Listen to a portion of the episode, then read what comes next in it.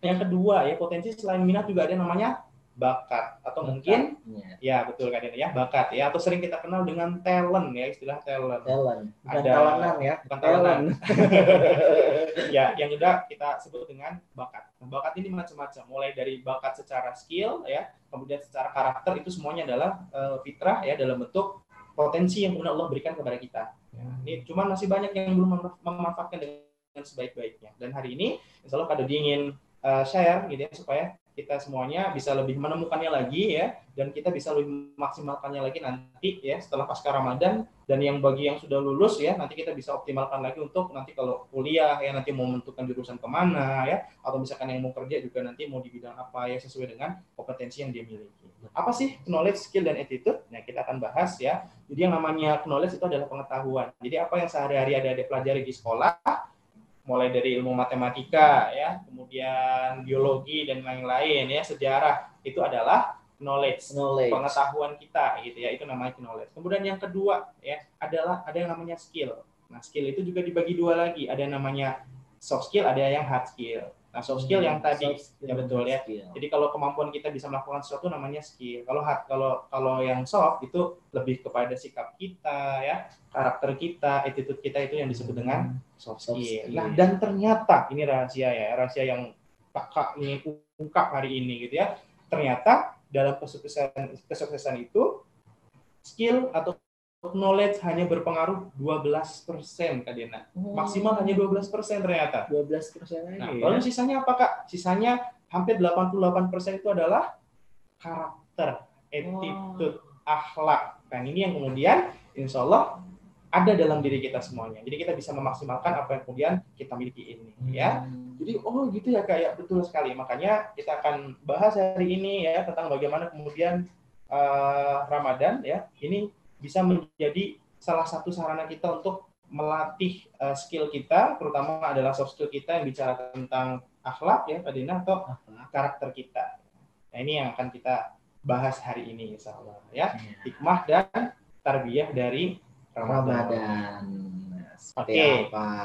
Seperti apa kira-kira ya? Mulai Nah, makin menarik, semakin menarik sini makin semangat ya pastinya. Wah, langsung aja nih. Oke, kita lanjut lagi sekarang ya. Iya. Keutamaan Ramadan. Jadi sebelum kita bahas lebih detail, kita harus tahu juga tentang keutamaannya. Jangan sampai kita menyia-nyiakan keutamaan yang luar biasa di Ramadan. Yang pertama, ada pahala yang berlimpah gitu ya. Jadi momen Ramadan ini adalah momen kita untuk mencari pahala sebanyak-banyaknya. Jadi kita harus manfaatkan, apalagi kita hanya tinggal 12 hari lagi ya, kita manfaatkan dengan sebaik-baiknya. Baik-baik. Kemudian yang kedua adalah sarana tarbiyah atau pembentukan karakter diri gitu ya.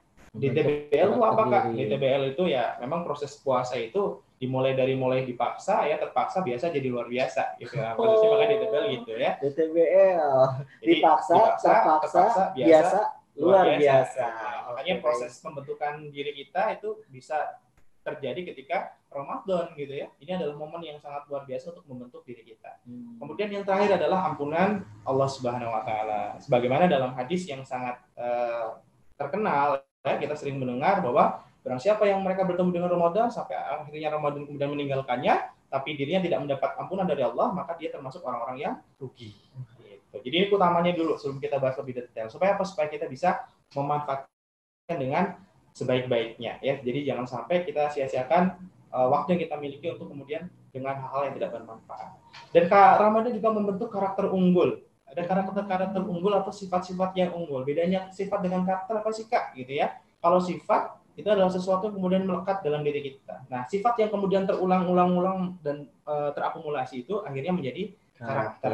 gitu ya. Nah, Kakak eh, mungkin hari ini nggak bahas semuanya ya karena memang sangat banyak sekali dan waktunya kita terbatas. Tapi Kakak akan share tentang empat karakter positif ya Rasulullah SAW yang insya Allah ketika kita meneladani ini ya maka insya Allah kita bisa menjadi orang-orang yang kemudian sukses bukan hanya sukses di dunia tapi juga sukses di akhirat, ya. Di Jadi- akhirat ya. betul sekali apa saja eh, kira-kira dari empat sifat Rasulullah SAW nah kita akan saksikan yang pertama adalah yang pertama adalah sifat fatonah Tona.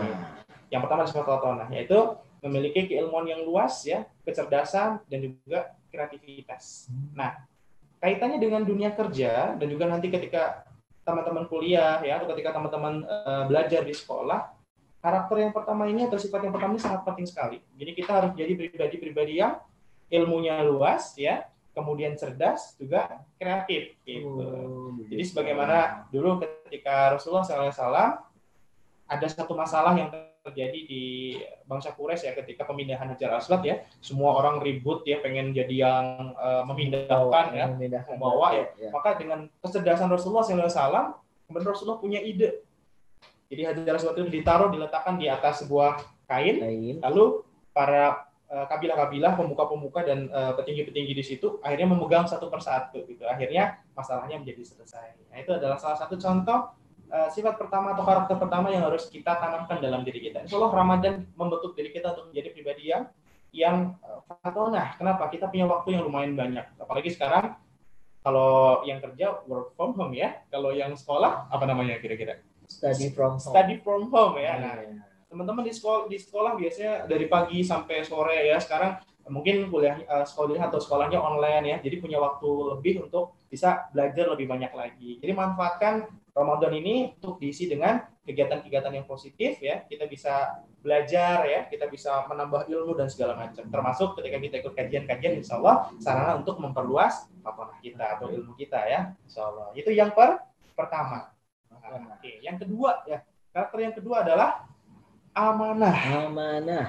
Betul sekali Kak Dena ya. Amanah itu apa sih Kak? Amanah adalah tanggung jawab ya, tidak berkhianat yang dan menjaga kepercayaan coba kakak tanya deh kira-kira kalau misalnya ada ada semua di sini jadi pemilik perusahaan gitu ya punya karyawan kemudian yang nggak amanah dikasih kepercayaan ya kemudian dia tidak tidak lakukan dengan baik. Kira-kira ada dia mau nggak? Pasti nggak mau ya. Pasti nggak mau pasti pasti nggak mau ya. Makanya yang kedua karakter atau sifat yang harus kita tumbuhkan dalam diri kita ya adalah sifat atau karakter amanah, amanah. yaitu menjadi pribadi yang bertanggung jawab tidak berkhianat dan menjaga kepercayaan. Nah insya Allah Eh, ketika kita memiliki ini ya maka nanti kita juga sudah terbiasa dengan sikap-sikap menjaga amanah ya tanggung jawab. Maka insya Allah ketika nanti kita bekerja terbiasa kita dengan apa? Nggak mau kita menyanyikan waktu dan segala macam. Maka karakter ini akan menjadi poin plus ketika kita nanti masuk di dunia kerja.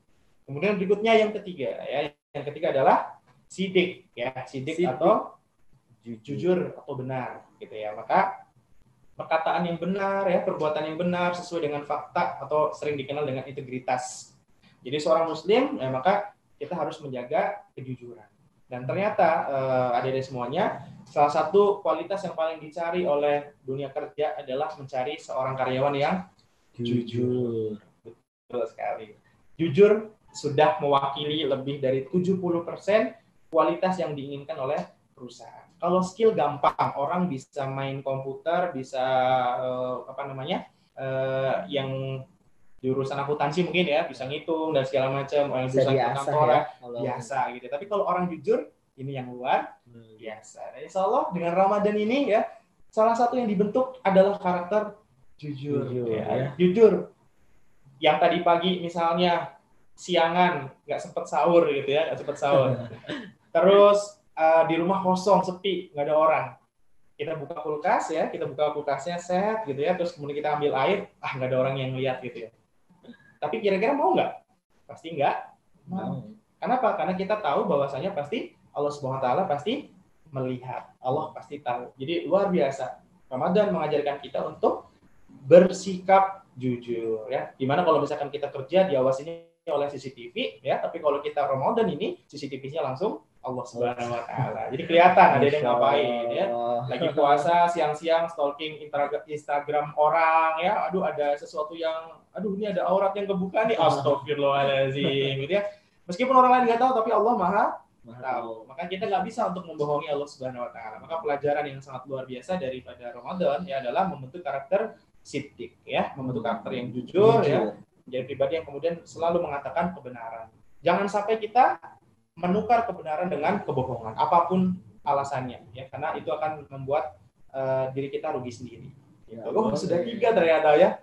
Tiga. Pertama apa tadi? Uh, Kadena fatona ya. Kemudian kedua? Amanah. Amanah. Ketiga adalah sidik ya. Keempat adalah apa ayo kira-kira ya?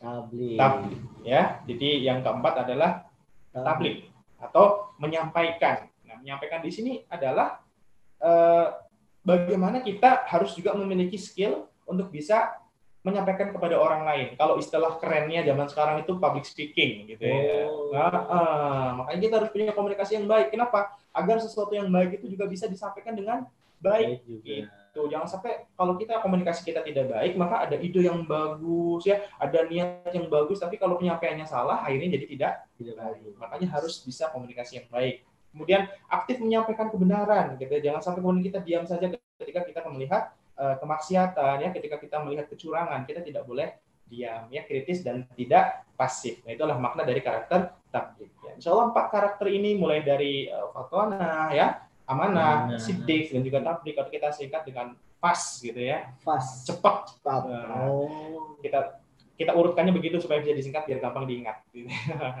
Jadi Insya Allah empat karakter ini adalah modal yang sudah sangat lebih daripada cukup untuk kita kemudian uh, membentuk diri kita supaya nanti ketika kita nanti ingin melanjutkan ke dunia pendidikan yang lebih tinggi ya, ketika mau kuliah, ketika kita mau kerja, itu jadi modal yang sangat luar biasa, luar biasa buat kita. Ya. Karena uh, kalau cuman skill saja, setiap orang pasti punya ya, dan itu sangat mudah dibentuk. Tapi akhlak ya, karakter itu kan sebenarnya bahasa bahasa sederhananya ada akhlak. Gitu. Istilah kerennya karakter ya. Tapi sebenarnya karakter adalah akhlak. Nah orang akan punya akhlak yang baik karakter yang baik ketika mereka imannya juga Baik. baik. Kenapa? Karena akhlak itu adalah buah dari keimanan. Keimanan ya. jadi begitu ada di semuanya ya. Maka insya Allah kalau kita menjadi orang-orang yang beriman sebagaimana Allah sampaikan di hikmah puasa ya ya lazina amanu kutiba alaikumus siyamu kama kutiba alal ladzina min qablikum la'alakum tattaqun orang yang bertakwa itu lebih tinggi derajatnya kalau orang yang beriman pasti dia uh, bertakwa ya orang bertakwa pasti dia beriman gitu ya Hmm. maka Allah ingin kita menjadi orang yang bertakwa jalankan perintah-perintahnya dengan sungguh-sungguh maka insya Allah kalau orang yang beriman orang yang bertakwa pasti akhlaknya sikapnya pun akan baik jadi insya Allah luar biasa sekali ya Selaras ya. jadinya. selaras, betul sekali. Jadi Ramadan ini bukan hanya sekedar uh, ritual ibadah, bukan, bukan hanya sekedar uh, tanggung jawab yang kita harus gugurkan enggak, tapi ada hikmah yang sangat luar biasa yang benar Allah turunkan seperti sudah disampaikan di awal tadi ya. Utamanya yang pertama adalah tadi uh, disampaikan ada pahala yang besar ya, kemudian kedua ada pendidikan tarbiyah, yang ketiga adalah ada ampunan dari Allah Subhanahu wa taala. Jadi Masya Allah ya, ini sangat pas sekali momennya dengan momen Ramadan.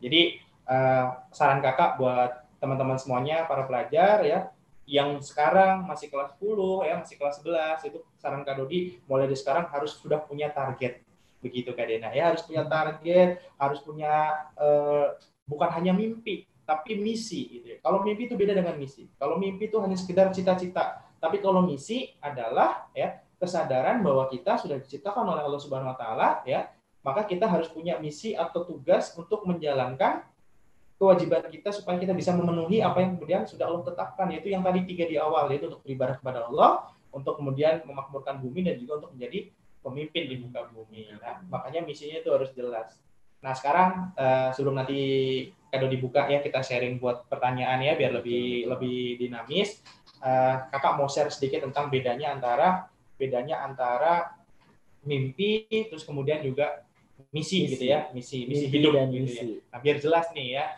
Kak, kalau misalkan setelah lulus saya mau kuliah di UI, itu apa, Kak? Itu mimpi atau dream? Oh, jadi bukan bukan misi ya. Bukan, ya. Oh, Tapi kalau misalkan saya jadi dokter, ya kemudian setelah jadi dokter saya mau ngapain, itulah misi. Gitu, Jadi ya. sudah ada ininya ya. Yes, jadi saya eh, kado di runut ya. Jadi ketika kita, ah, saya pengen kuliah di UI, pengen ngambil kedokteran, itu cita-cita atau mimpi gitu ya. Mimpi. Nah, kalau misi adalah ketika saya sudah jadi dokter tuh saya mau ngapain? Jadi pola pikirnya dibalik, jangan mimpi dulu, tapi harus misinya harus jelas dulu. Terus alasan kenapa saya jadi dokter itu juga nanti akan berkaitan dengan the purpose of life atau yang tadi kakak sampaikan di awal penciptaan atau tujuan penciptaan yang kemudian Allah sudah tetapkan. Jadi saya jadi dokter, saya pengen beribadah kepada Allah melalui profesi saya nanti. Jadi ketika saya jadi dokter, saya pengen membantu orang, ya, saya pengen eh, berdakwah lewat eh, profesi saya, gitu. Nah itulah yang disebut dengan misi yang tujuannya tidak lain adalah untuk beribadah kepada Allah, kemudian juga yang kedua untuk memakmurkan dunia, ya, yang ketiga untuk menjadi pemimpin di muka bumi. Sudah jelas ya, clear ya, Dede ya. Jadi mulai sekarang yang masih kelas 10 mumpung kelas 10 dari sekarang harus punya target gitu ya. Jangan cuma sekedar cita-cita jangan cuma sekedar mimpi ya. Tapi kita harus punya target yang lebih dalam lagi. Harus punya misi hidup. Wow, bahasanya berat banget ya gitu. Padahal nggak berat kok. Misi hidup itu adalah sunatullah. Kenapa setiap orang tuh diciptakan pasti dengan alasan. Bagaimana para sahabat juga ya itu punya uh, misinya sama. Tapi nanti akhirnya uh, job desk yang diambil berbeda-beda Nah itulah akhirnya makanya ada yang akhirnya sahabat jago perang ya karena dia kan potensinya minat bakatnya apa namanya kita lihat dia punya potensi besar di situ. Ada yang penafsir Quran ya, ada juga yang apa namanya uh, hadis ya. Jadi memang masing-masing punya keutamaan. Nah itu bedanya. Jadi teman-teman harus bisa membedakan jangan sampai kecampur-campur loh ya nah, antara potensi diri kemudian karakter ya dan juga tentang misi hidup itu definisinya berbeda-beda ya tapi soalnya itu adalah satu kesatuan makanya kita harus clear sehingga kita bisa apa namanya menentukan nih jalannya dari sekarang